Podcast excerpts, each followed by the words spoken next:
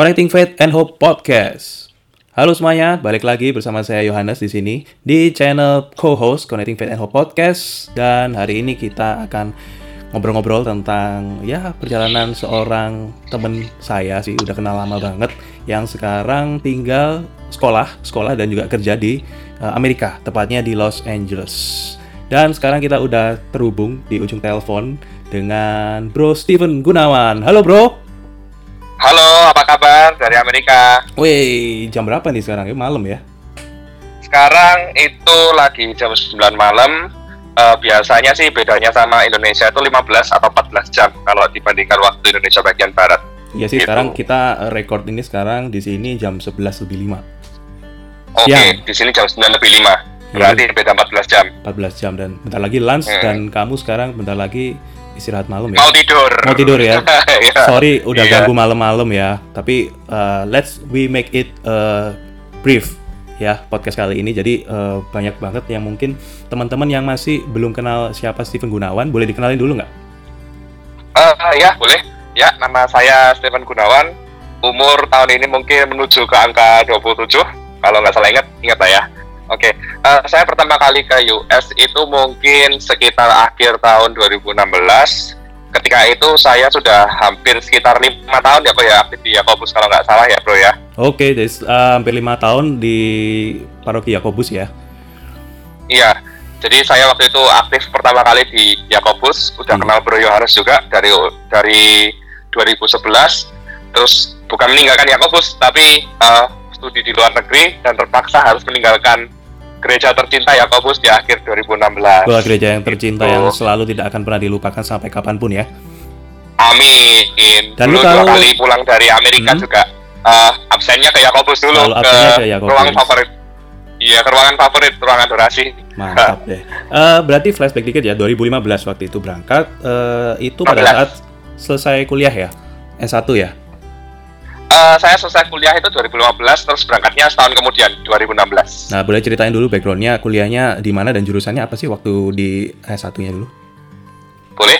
Saya dulu kuliah di Universitas Putra, itu ngambil jurusan namanya culinary business. Wow, culinary business. Itu, wow, interesting. Yep. Ya, jadi basically culinary business itu hampir sama dengan uh, bisnis ekonomi atau manajemen bisnis sih lebih ke bisnisnya kalau di kulineri bisnis gitu. Jadi lebih kayak uh, belajar untuk uh, growing bisnis atau buka bisnis baru, bukan lebih ke ininya ya, bukan ke chefnya ya? Bukan, tapi kita tetap diajarin masak kok, tetap diajarin basic-basic uh, chef skill, tapi lebih kayak gimana caranya mengkoneksikan chef dengan uh, dunia manajemen. Jadi bukan hanya cuma bisa masak, tapi juga bisa jualan masakan atau jualan konsep dari restoran itu. Pantesan gitu. aja kalau kamu masak tuh selalu enak mau masak Western, Indonesian, or Asian food lu pasti enak banget lah. Wah. Para pendengar sobat host. Jadi you, Steven Gunawan ini top lah kalau masaknya nggak perlu diragukan lagi. jadi sekarang jauh, jadi udah nggak udah lama nggak ngerasain masakannya. Balik sini pun kalau ketemu selalu ngajak makannya masih makanan ini ya. Lu, lu kamu pasti carinya yang Asian food gitu ya kalau pulang sini ya. Waduh, kalau ke Indonesia itu udah saatnya gimana ya? Mumpung di Indonesia dan bisa masak, bisa makan dan bisa masak dari bahan-bahan dari Indonesia. Wah, dipuas-puasin di Indonesia. Bahkan saya nggak cari lagi yang namanya burger, pizza atau western. western udah enak ya? Indonesia. Udah enak lah ya karena itu udah tiap hari tuh makan junk food, fast food gitu ya. Ah, di sini dapat junk food mah lebih gimana ya? Kan orang-orang bilang wah biaya hidup di luar negeri itu mahal sekali di Amerika Enggak, kalau makan junk food itu di sini tuh bisa lebih murah daripada di Indonesia kadang-kadang ya. Oh iya gitu ya? Iya. Uh, kayak contohnya yang kita tahu tuh burger-burger di Burger King aja di Indonesia kan mungkin 50-60 ribu kan iya, yang paling betul. enak ya. Mm -mm, betul. Iya. Di iya. sini 2 dolar udah dapat yang paling enak, 26 ribu udah dapat yang paling enak. Ya hampir setengah harganya ya berarti ya harganya. Iya, hmm. dan ukurannya jauh lebih besar. Jauh ukurannya jauh lebih besar ya pastinya. Iya, iya. Aduh, ngomongin makanan jadi jadi lapar karena di sini bentar lagi jam makan siang nih. Tapi uh, kita ngobrol lagi sih tentang kesibukan kamu di US sekarang. Uh, mm-hmm. Apa aja sih keseharian kamu sekarang di US? Uh, sekarang sih lebih banyak itu ya. Sekarang kan pertama kali berangkat 2016 itu hmm. saya memang fokus ngambil studi master studi. ya. Master S2 ya? Iya. Oke. Okay. Iya, ngambil S2. Jurusan Terus apa di kampusnya apa namanya? Uh, jurusannya saya ngambil Master of Business Administration, jadi masih ada hubungannya sama yang uh, S1-nya saya. Hmm. Gitu. Terus yang sekarang saya lakukan itu saya ngambil program PhD. Nama kampusnya di mana nih? Nama kampusnya di University of South Los Angeles. Los Kampusnya nggak gede sih, Hmm. kampusnya cuman kecil aja, cuman oke kok buat belajar gitu. Oke lah ya. Terus ya dari tempat tinggal kamu sekarang ke kampus dekat nggak? Atau masih satu area, Ah. masih satu eh, area masih dekat atau jauh? Aksesnya berapa menit biasanya kalau dari tempat tinggal sekarang? Oh, kalau bilang jauh atau deket ya, kalau di sini itu termasuk dekat. Dekat Tapi ya? kalau orang Surabaya bilang, waduh kok jauh sekali, soalnya Mhm. jaraknya tuh sekitar 45 km. Wow, itu udah luar kota sih. Udah. Iya, tapi kalau di Surabaya. sini termasuk dekat. termasuk dekat ya, segitu ya. Iya, dekat di sini. Karena di sini uh, ada kayak jalan tol dan enaknya jalan tolnya gratis, nggak kayak di Indonesia. Sekarang di Indo ini bro, pasti pakai e-tol harus top up terus, saldonya harus cukup. Kalau nggak cukup, ntar nggak bisa masuk. Putar balik dong. Nggak bisa putar balik gimana? Belakang udah ada mobil. Waduh, nah itu dah. Pinjem kartu tol yang di belakang, serius. oh, gitu. Pinjem yang belakang, ntar lu bayar eh, cash gitu. Waduh. Bisa Tapi- berapa itu kalau iya. saya lupa top up ya? Nah itu dia makanya eh, kalau tempat tinggal sekarang lu tinggalnya di mana? Kamu tinggalnya di mana sekarang? Di LA-nya itu di Sekarang mana? sih eh, saya sih tinggalnya sekarang di downtown LA, jadi memang di pusat kotanya Pusat LA, kotanya ya. di Hmm. apartemen, ya gitu. Di apartemen lu eh, kamu tinggal sendiri atau ada teman? eh, Kebetulan ada temen juga, dia dari Jakarta, Oh. kita berdua cowok orang Katolik. berdua orang Jakarta, kebetulan juga sama-sama Katolik ya, dan seumuran. Ya, beda selisihnya 2-3 tahun lebih tua daripada saya. Oh, gitu. Oke, tapi masih inilah ya masih nyaman lah ya ngobrol lah. Karena apalagi juga kan Oke. sama-sama dari Indo juga kan, Ya, sama-sama dari Indo dan kebetulan eh, dua-duanya ini student juga. Eh, student juga Gitu. ya. Iya, student Nah. juga. Kan sekarang kamu udah kerja nih, kerja di Iya. kantor. Eh, kalau boleh tahu Iya. mungkin bisa di-sharekan dengan para sobat kaos di sini. Iya. mulai pagi, saya office hour kamu mulai pagi sampai malam Hmm. itu mulai jam berapa startnya sampai pulang Hmm. balik lagi ke ke apartemen. ke apartemen. Hmm. Eh, jadi ceritanya gini, eh, pendengar, para sobat dan pendengar dan Bro Yohanes, Ya, eh, saya kan eh, sekarang ini kesibukan saya tuh lagi kerja di kantor eh, bukan arsitektur sih, tapi lebih ke kantor aluminium dan kaca untuk pembuatan window dan eh, pintu. oke. Tuh, eh, kebetulan apa apa pun yang kita jual di sini, baik itu kaca atau window, sebelum kita jual ke customer itu kita harus gambar dulu ukurannya, terus eh, lubang lubang apa ya istilahnya eh, lubang skrupnya itu harus digambar, ukurannya berapa. Ya, Nah itu semua tuh melalui persetujuan government. oke. Jadi eh, jam kantor saya itu mulai jam 6 karena kita harus submit ke government itu pagi-pagi. Government itu bukanya jam 7. Gitu. Pagi banget jam 9, jam 6 Dan- pagi udah harus di kantor. Jam 6 pagi harus duduk di kantor dan sudah harus baca email. Bro, kalau di sini sih jam 8 setengah 9 bahkan ada yang jam 9. Pulangnya Waduh. jam 5 setengah 6. Kalau kamu pulangnya jam berapa? Kalau saya karena datangnya lebih pagi, pulangnya otomatis lebih pagi jam 3. Jam 3 ya. Tapi itu pagi Iya. banget loh jam 6. Iya, karena kita ngikutin jamnya itu, jamnya government. Kalau kamu kerja di bank juga masuknya jam 7 pagi kalau di sini. Hmm. Tapi di Gitu. sana eh, jam 6 berarti jam 6 sampai jam 3. Sampai Ya, jam jam 3 saya jam 3. eh, pasti on time atau mungkin sering overtime kayak gitu kerjaannya. Di sini sebenarnya tuh overtime kita dibayar ya. Cuma kan uh, perusahaan itu selalu ngomong kalau kamu bisa jangan overtime karena kalau kita overtime juga dibayarnya pasti lebih kan. Dan perusahaan pasti bayarnya perusahaan itu ya. nggak mau. Iya, perusahaan bayarnya satu setengah kali lipat lebih mahal. gitu. Per hour ya soalnya hitungannya. Per hour, iya bener. Nah setelah jam 3 langsung pulang ke apartemen atau ada kegiatan lain nggak? Karena kan masih Oh. masih sore ya, maksudnya masih jam 3 terus balik ke apartemen 45 menit. Berarti jam 4 ke Hmm. atas biasanya kegiatanmu apa aja? Oke, jadi dari pagi itu kan saya masuk jam 6. Terus eh, kadang yang lucunya nih itu gini, karena kita masuk jam 6 pagi, otomatis jam lunch kita itu kan nggak mungkin kan eh, jam 1 gitu. Itu kan kayak kelamaan banget. Apaan jam 1 baru lunch time gitu? Enggak. Jadi kadang itu agak awkward juga. Ayo kita lunch time. Tapi lunch time-nya itu masih jam 10 pagi, bro. Oh Jadi iya, itu sih. kita kadang kayak, iya sih. iya, Jadinya Jadi brunch kadang tuh ya? kita kayak awkward banget.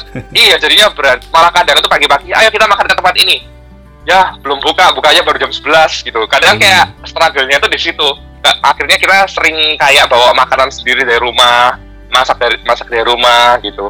Daripada beli di luar. Soalnya beli di luar kadang restonya tutup atau belum buka. Atau kadang kalau sekalinya ada resto yang buka, ngantrinya tuh rame banget gitu. Jadi kayak jam ngantrinya aja udah 30 menit gitu. Udah buang waktu banyak banget gitu. Mau beli pun di Gitu. resto yang udah buka pun biasanya paling take away lah ya, nggak bisa dine in yang nongkrong sambil ngobrol satu jam kayak di sini kan kayak gitu biasanya. Lunch kan lebih banyak tuh. ngobrolnya kan daripada makannya mah cepet cuma 10 menit. Iya, di di sini sih itu ya. Karena kita dibayarnya hourly, bukan kayak salary di Indo. Tapi Iya. kayak saya, saya kan nggak pernah kerja kantor di Indo. Kalau di sini tuh exactly harus misalnya masuk jam 6, harus masuk jam 6. Eh, mungkin dikasih toleransi waktu telat itu 5 menit early boleh clock in atau 5 menit late boleh clock in. Di atas Hmm. itu eh, bisa dimarahin. Itu berlaku untuk lunch dan juga clock out waktu kita pulang. Jadi clock out waktu kita pulang pun itu harus exactly jam 3 atau jam 2.55 atau jam 3.05 gitu. Nggak boleh kurang, nggak boleh lebih.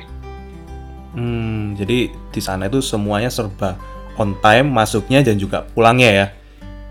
Ya, justru kalau misalnya kita kelebihan, Mhm. itu bisa dimarahi karena kadang perusahaan tidak mau kita bayar kita lebih. Meskipun ada job yang memang kadang harus belum selesai atau harus lembur, gitu. Oke deh, jadi itu sekilas tentang eh, keseharian dari Bro Steven Gunawan ya selama Iya. di Los Angeles ya.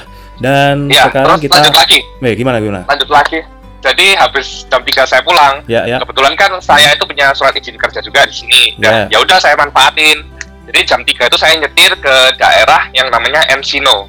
Itu kalau dari tempat saya kerja itu sekitar satu jam nyetir dan saya kerja di restoran di sana jam 5 sampai jam 11 malam. ya kamu punya mobil sendiri atau public transport ya sorry? Dulu sih pakai public transport, Public ya. transport, Jadi ya. kalau misalnya public transport itu positifnya enak, kita disetirin. Jadi Ya. bisa tidur di bus. Bisa bisa Gitu. tidur nggak capek lah ya. nggak capek tapi nggak enaknya kalau ketiduran di bus ya udah bablas Bisa Atau kelewat. enggak, kadang Ya, iya bisa kelewat dari tempatnya yang nanti kita Ah, stop atau stopnya. kadang juga eh, banyak juga misalnya ada kecelakaan di mana gitu kalau public transport kan jalurnya tuh ya udah lewat situ gitu loh nggak mungkin dilewatin jalur lain jadi kalau ada kecelakaan di tengah jalan bukan karena kita mhm. atau tiba-tiba ada macet di mana gitu kita nggak bisa ngindarin udah ngikutin aja gitu oke. makanya kadang telat gitu Jadi sekarang Gitu. lebih banyaknya memang eh, nyetir sendiri, emang udah punya mobil sendiri ya, punya mobil pribadi ya, wah keren, Iya. keren banget. setelah satu tahun setelah, Setelah satu, satu tahun, tahun di sini sorry. di US eh, nabung-nabung, punya duit, diinvestasikan ke mobil. ke mobil dulu itu Mobil juga untuk dulu. kesehatan badan juga sih Oh, iya ya, ya, oke. Jadi seperti itu lah ya, kurang lebihnya kesehariannya Bro Steven. Nah, sekarang Iya. kita masuk ke eh, topik yang sebenarnya mau kita bahas ya, karena di sini kan kita Connecting Faith and Hope Podcast kita mungkin lebih banyak untuk sharing tentang pengalaman hidup atau perjalanan hidup eh, sebagai seorang Katolik yang di mana mempertahankan imannya. Apalagi kamu kan sebagai orang yang jauh dari rumah, yang sekarang bisa dibilang ya apa ya istilahnya ya?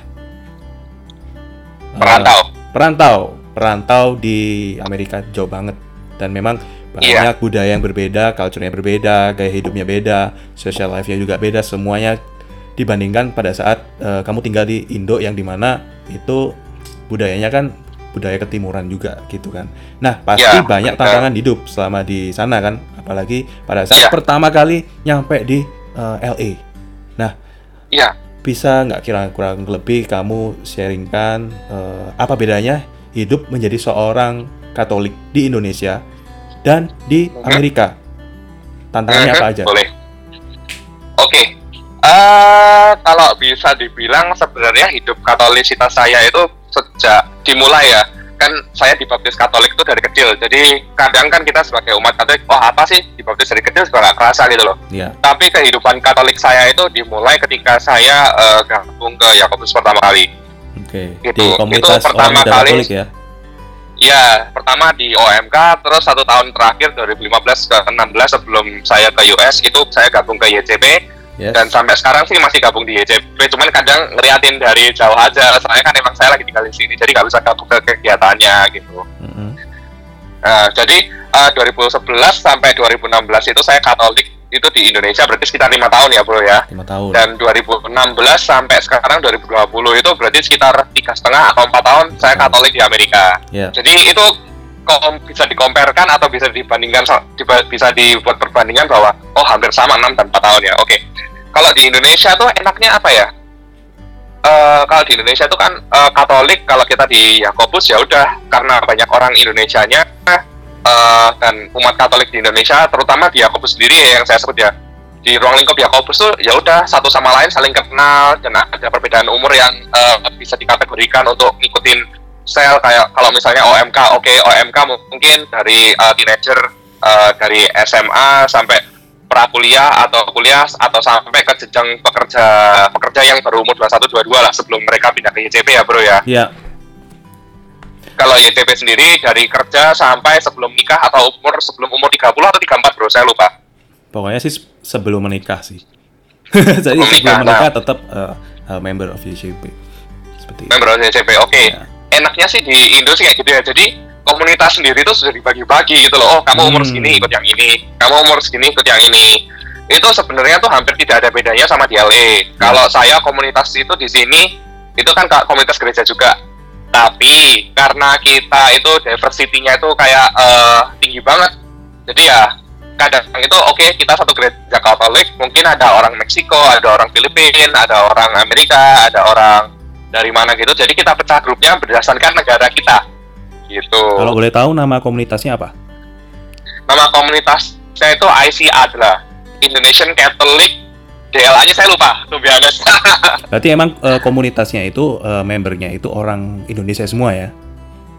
Iya, kebetulan kita orang Indonesia semua, tapi saya juga tergabung ke komunitas gereja yang isinya tuh multi ras, multi race Multinational. gitu. Iya, lebih ke multinational. Cuman kan yang kita bahas sekarang adalah komunitas Indonesia dulu. Ya. Jadi anggap aja gini, eh, kita di gereja ada lima, misalnya ada lima nasionalitas, kita pecah jadi lima grup kan jadi.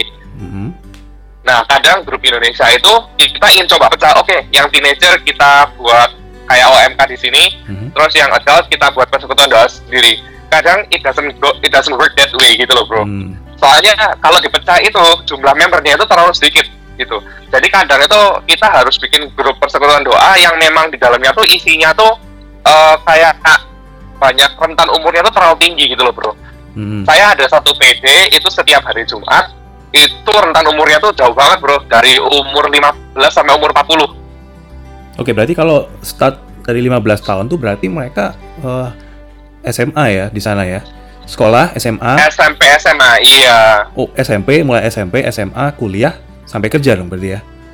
Dan itu sampai ada yang udah punya anak dan anaknya tuh diikutin persekutuan doa yang sama jadi kadang kita eh, sama bapak emaknya itu bahkan doa bareng juga sama anaknya jadi anggap aja bapak emaknya umur 45 anaknya umur 18 gitu berarti kesimpulannya kalau di sini di Indonesia komunitas-komunitas yang ada di gereja itu udah dibagi ke sesuai dengan kelompok umur. Kemudian Iya, kalau di karena kalau dibagi ke kelompok Hmm. umur itu lebih enak kan pembahasannya jadi Iya. sesuai dengan kebutuhan kebutuhan anak atau kebutuhan orang pada saat umur segitu gitu loh bro tapi tapi sedangkan eh, kamu di sana komunitasnya memang dari segi jumlahnya nggak banyak sehingga dikelompokin jadi satu sesuai dengan eh, background nationality-nya seperti itu. Ya, lebih lebih banyak sih seperti itu. Jadi lebih ke general. Bahkan topik-topik yang dibawakan pun itu harus bisa mengena ke uh, teenager, adult, Mhm. uh, young worker atau ke orang tua. Gitu. Tapi kalau eh, feeling like as a family-nya kekerabatannya kurang lebih sama ya seharusnya di sini ya di sana. Oh, kalau di sini sih itu honest agak kurang ya, Bro ya. Agak kurang ya. Gitu.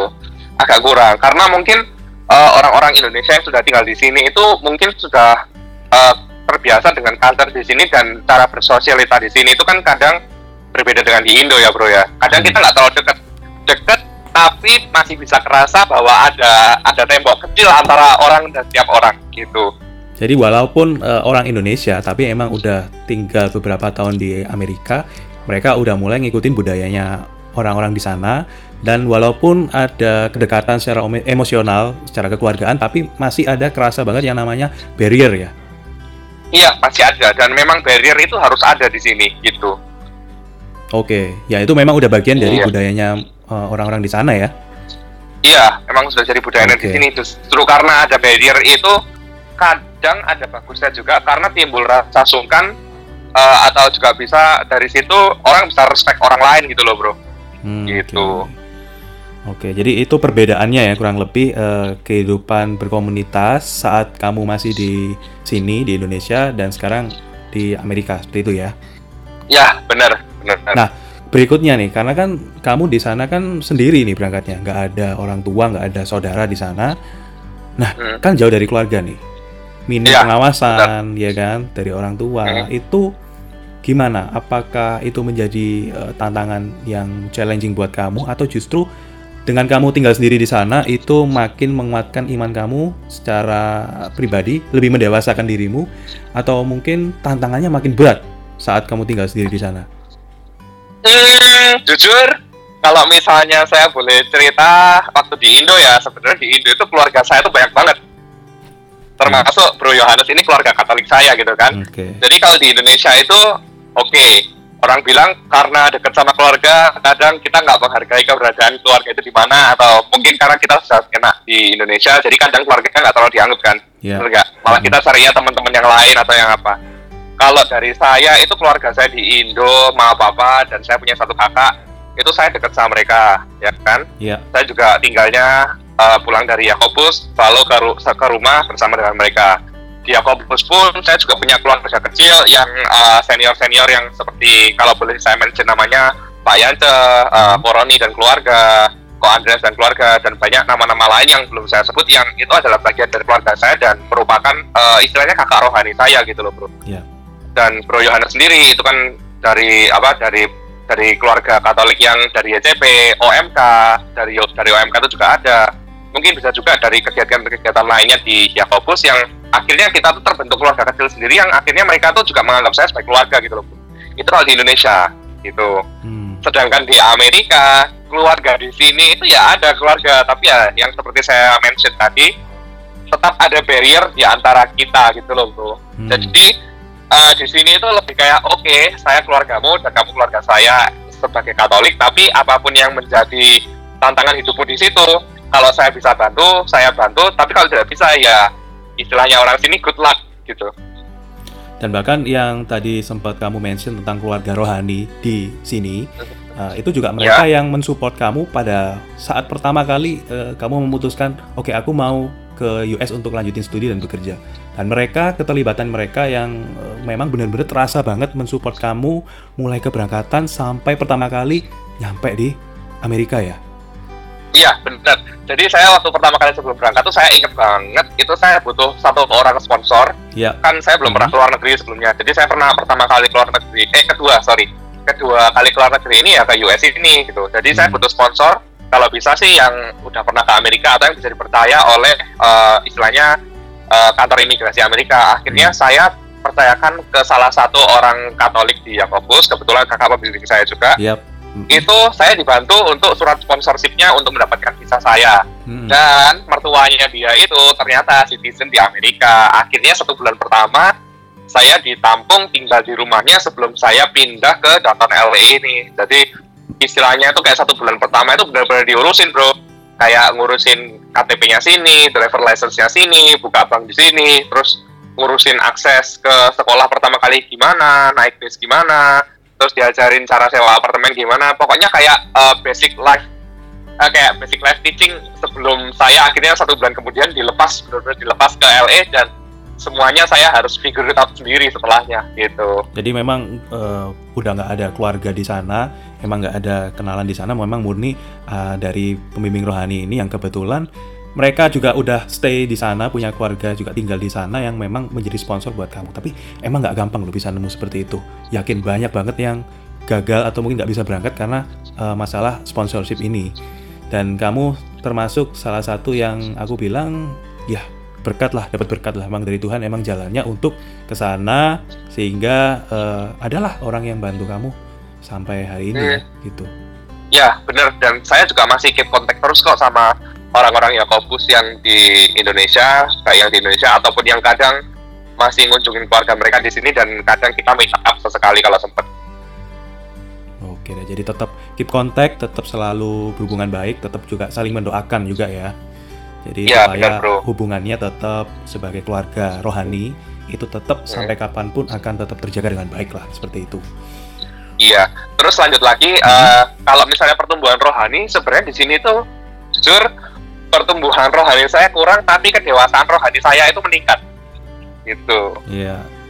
Gimana tuh? Karena eh, kalau di Yakobus kan kadang kita dibimbing, oh kamu harus kayak gini gini gini, atau misalnya ada spiritual apa kayak perguncangan spiritual kita konsultasi kan. Iya. Kalau di sini itu saya lebih ke dilepas karena memang satu komunitas di sini kan hanya ketemunya setiap satu minggu sekali karena kan orang di sini sudah sibuk dengan keseharian masing-masing dan saya juga sibuk dengan sekolah dan pekerjaan saya kan. Jadi memang tidak ada waktu untuk istilahnya apa ya kalau di Indonesia tuh lebih sering kumpul kalau di sini tuh lebih sering ngurusin diri sendiri kalau hari biasa. Mhm. jadi kadang itu eh, timbul dari dalam hati oh pembenaran yang di eh, maksudnya pembekalan rohani yang di Indonesia itu kalau diaplikasikan ke sini itu bisa. Jadi kadang kayak oke saya ke gereja harus satu minggu sekali. Itu contoh simpelnya. Atau misalnya diajak ke diajak orang-orang atau diajak teman-teman melakukan sesuatu hal yang nggak benar sesuai tidak sesuai dengan iman kita saya tuh sudah bisa langsung menolak oh enggak gitu jadi di sini kedewasaan rohani saya itu dibangkitkan tanpa dituntun seperti yang di Indonesia gitu bro Nah, secara secara pribadi kan berarti untuk tetap menjaga iman sebagai seorang Katolik di sana, itu secara kamu secara pribadi apa yang kamu lakukan? Karena kan memang pertemuannya cuma di weekend aja kan, selama eh, weekdays kamu rutinitas kamu, kesibukan kamu tetap kamu jalankan. Nah, apa yang kamu lakukan nih? Yang yang yang aku juga pengen tahu dan juga para sobat kos pengen tahu juga self control apa ya? Atau mungkin cara apa yang kamu lakukan supaya kamu tetap punya iman sebagai seorang Katolik? Hmm, Oke, kalau self control atau iman Katolik itu sebenarnya simple-simple nggak simple ya. Kadang kan kita mengalami masa surut, Oke. kayak males Mhm. doa, Ya, ya, terus ya. kayak males pujian persembahan. Kadang kayak kesel itu males, Mhm. apa segala macam. Tapi yang selalu saya tekankan kepada diri saya sendiri adalah nggak boleh absen gereja seminggu sekali setiap hari Minggu atau hari besar ke gereja itu harus ke gereja kecuali ada event tertentu mungkin dari kantor atau dari apa yang tidak bisa diganggu gugat atau event penting yang kadang itu harus mengorbankan jam-jam ke gereja. Nah itu mungkin eh, kalau dari saya eh, memang sebenarnya hari Minggu itu tidak boleh digantikan dengan hari lain ya karena hari Minggu itu memang harus kita ke gereja. Kadang saya itu kayak istilahnya nyolong-nyolong, oh sorry Tuhan nggak bisa gereja Minggu ini, ya udahlah ya gereja Minggu depan. Itu kadang masih terjadi di dalam diri saya. Tapi yang saya tekankan adalah eh, bagaimanapun kondisi rohani saya lagi surut, lagi bangkit atau lagi apa pun, saya selalu berusaha keras untuk ke gereja setiap hari Minggu. Oke, jadi Gitu. eh, apa pun alasannya itu mungkin ada rasa males nggak mau ke gereja harus tetap wajib namanya hari Minggu adalah harinya Tuhan dan tetap harus ke gereja. Ya, harus kondisi emosional apa pun lagi mas, harus ke gereja ngantuk atau apa pun, gereja hari Minggu tuh nggak cuma sekali, bisa pagi, siang, sore atau malam. Di sini masih sama dan bisa terbuka. Kalau mau bahasa Inggris, mau bahasa Spanyol, mau bahasa Indonesia di situ ada semua. Jadi tidak ada alasan untuk tidak ke gereja. Kalau hari Gitu. Minggu biasanya di sana gere- gerejanya jam berapa? Biasanya. kalau saya di sini ada yang jam 12, ada yang jam 9 atau ada yang jam 2 sore. Tapi saya sih lebih suka yang jam 12 siang ya, soalnya habis gereja enak langsung makan siang biasanya. Oh gitu. Dan itu dari tempat tinggal sekarang di apartemen ke gereja jauh, deket, berapa menit? Mungkin bisa kasih gambaran nggak? Jalan kaki 5 menit, jadi tidak ada alasan untuk tidak ke gereja. Wah, iya bener lah pasti nggak ada alasan cuma lima menit jalan aja masih alasan aduh ngantuk aduh capek itu nggak bisa seperti itu cuma lima menit deket banget ya Iya, kurang berarti masih satu blok ya masih satu blok. Kalau mau dicari sih itu nama gerejanya sebentar. Eh, saya cari ya. Namanya tuh agak susah sebenarnya. Bentar ya. Ini katanya kok nggak apa-apa harus itu. Hmm, nggak terlalu. iya. Namanya itu Cathedral of Our Lady of the Angels. Hmm, itu ya namanya ya Itu pusatnya, ya pusatnya di Danton LA persis. Saya ulangi lagi, Cathedral of Our Lady of the Angels. Itu misalnya, har- eh, misalnya tiap hari Minggu tuh ada misa Inggris. Mhm. Tapi kalau saya misa Indonesia, saya coba ke tempat yang agak jauh dikit, namanya Saint Stephen. Itu agak jauh dikit dari rumah saya, harus nyetir mobil. sama ya namanya Saint Stephen Iya, sama kayak saya Saint Stephen. Ya, Oke. tapi saya belum mau jadi santa atau santo. atau uh, roboh. semua orang uh, kita ini menuju kepada kekudusan. Jadi selama hidup itu berarti kita itu uh, menjadi seorang peziarah menuju ke jalan kekudusan. Ya, benar. Ya kan seperti itu. Nah Ya. itu uh, tentang kehidupan berkomunitas dan juga kehidupan kamu dalam menggereja.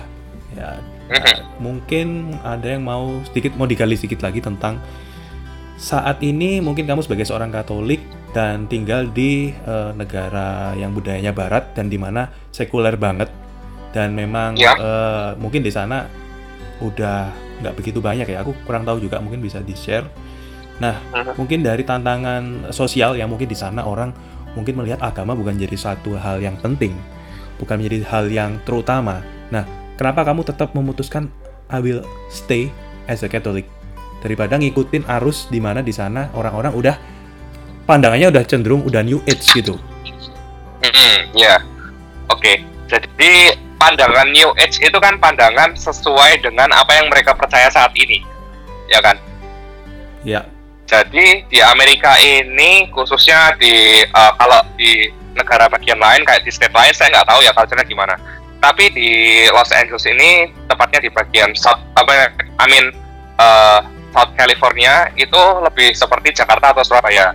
Jadi freedom of speech-nya itu tinggi sekali dan diversity-nya itu kan tinggi sekali ya bro ya. Hmm, ya betul. Jadi kadang kalau ngomongin agama di sini itu harus hati-hati bro. Nggak usah agama. Kadang ngomongin eh, kayak ngomongin berat badan atau yang simple jenis kelamin atau umur aja itu menjadi sesuatu yang sensitif sekali di sini. orang ngomongin gitu. bentuk badan gemuk kurus udah dicapnya udah body shaming kayak gitu ya. Iya, udah dicap body shaming atau ngomongin kayak kamu umur berapa kalau boleh tahu. Misalnya ya bro ya, kita punya teman baru baru kenal gitu. Kan di sini itu harus hati-hati ya bro ya. Kalau misalnya saya pengen makan di suatu tempat, kadang saya pesen bir karena kan saya suka bir ya dari Indonesia juga udah minum bir. Hmm. Kadang ternyata teman saya itu dia Asian juga, Asian juga sama seperti saya. Ayo kita makan di resto sushi gitu. Terus kita pesen bir, ternyata dia bilang, oh saya belum umur 21. Nah, itu kita kadang eh, nggak boleh tanya sebelumnya, kamu umur berapa, boleh minum bir. Kadang ada yang orang itu bisa ngelaporin kita, wah orang ini kayak saya merasa tersindir sama orang ini kok ngomongin umur gitu loh. Apalagi kalau soal jenis kelamin di sini itu udah sangat krusial sekali di sini. Jadi jenis kelamin itu nggak boleh ditanya di sini gitu. Hmm. Nah, kenapa kamu tetap stay sebagai seorang Katolik di tengah pandangan orang-orang di sana yang udah ya itu tadi sih, udah eh, sekuler banget dan mungkin udah aha. kayak hidupnya udah beda lah, udah jauh lah dibanding dibanding di sini seperti itu. Jadi saya ingin stay di Katolik itu karena emang satu itu emang komitmen dari dalam hati dan eh, saya masih ingat ketika Bro Yohanes dulu pernah bawain eh, kayak sesi di Indonesia di Yakobus kapan hari itu kalau nggak salah sebelum saya pergi ke US itu Bible. Jadi Bible itu singkatnya kan basic instruction apa ya? Saya lupa berapa bro? Basic basic instruction before leaving Earth ya. Ah, itu Bible ya? dia. Ya, saya saya ingatnya basic instruction before leaving Earth. Ya, jadi eh, apa pun yang terjadi di sini eh, dari culture atau moral atau apa pun, saya mencoba mengkaitkan semuanya itu dari eh, Alkitab atau yang bisa kita bilang dari Bible yang setiap hari atau setiap minggu kita baca gitu loh.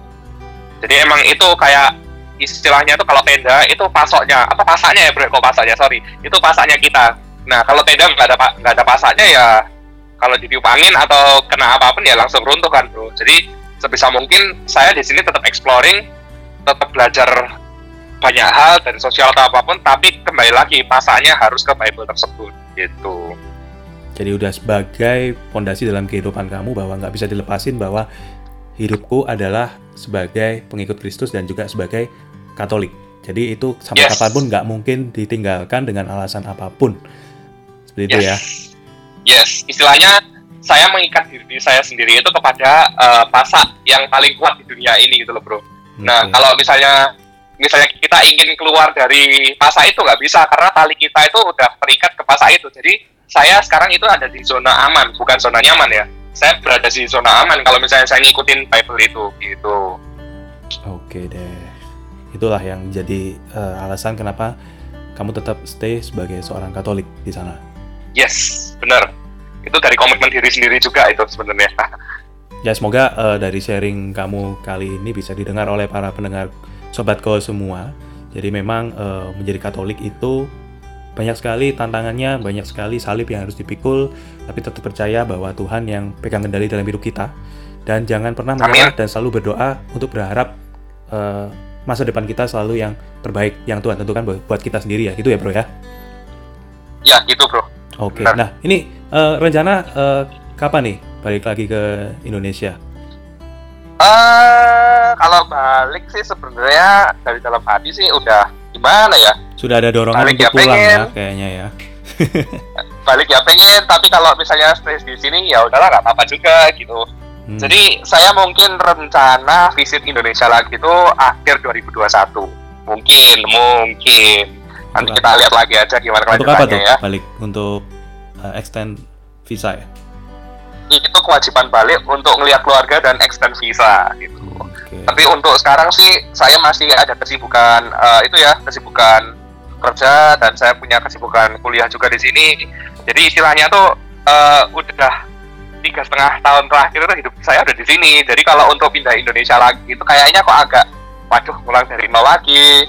Mungkin uh, uh, harus catch up lagi sama ketinggalan-ketinggalan yang di Indonesia gitu tapi ya ya coba nanti kita serahkan atau saya serahkan aja ke Tuhan gimana Tuhan mau bawa kalau emang Tuhan mau kasih saya tinggal di sini ya Tuhan lancarkan sesuai dengan proses yang legal dan lain-lainnya tapi kalau emang saya harus pulang setelah studi saya selesai setelah perpanjangan visa selesai dan studi saya selesai ya sudah saya juga berharap Tuhan kasih yang terbaik di Indonesia amin gimana? amin oke okay, hmm. Bro Steven udah lumayan nih kita ngobrol-ngobrolnya ya hmm. jadi thank you for your time sorry udah ganggu malam-malam istirahat malamnya dan oh, sukses buat uh, studinya for your PhD, for your uh, career, for your job. Dan aku berharap. Thank you bro. Berharap ke depan uh, kita bisa ketemu lagi, bisa ngobrol-ngobrol lagi. Amin. Boleh. Itu. Thank you bro ya sudah uh, mau mengambil saya sebagai narasumber. Mungkin sharing saya uh, ada yang menurut saudara pendengar biasa aja atau gimana, tapi jujur di sini saya kadang tuh struggle banget karena di sini saya nggak ada keluarga yang family by blood. Jadi semuanya itu family dari Katolik atau mungkin family dari Indo yang benar-benar bantuin saya gitu. Kadang itu kalau misalnya pulang kerja ya bro ya, kalau boleh share sedikit, kadang misalnya pulang kerja itu kadang, aduh gak ada makanan gitu kan. Biasanya kalau ada orang tua atau mungkin ada uh, ada teman atau saudara yang tinggal di rumah kita, wah masih ada makanan gitu. Kadang kita pulang tinggal makan, tinggal piring. Di sini tuh kadang kangen makanan rumah, kangen makanan mama papa gitu. Kadang sekedar kumpul bareng saudara atau sekedar meluangkan waktu seminggu sekali bareng mama papa itu kadang tuh kangennya di situ loh bro. Gitu. Oke okay, bro. Jadi uh, thank you ya udah luangin waktunya. Dan ya nanti kita ngobrol-ngobrol lagi lah lebih lanjut ya. Mungkin di okay, next siap. episode mungkin kita bisa ngobrol-ngobrol lagi. Atau mungkin satu saat bisa live podcast ya. Jadi nggak by phone. Mungkin kita ketemu live entah aku yang ke sana atau kamu pas balik ke sini. Boleh. Saya berharap saya yang ke sana atau Bro Yohanes pengen main-main ke sini. Amin, amin. Kita doakan yang terbaik untuk semuanya dan itu dia tadi uh, episode kita yang episode kita kali ini para sobat co-host.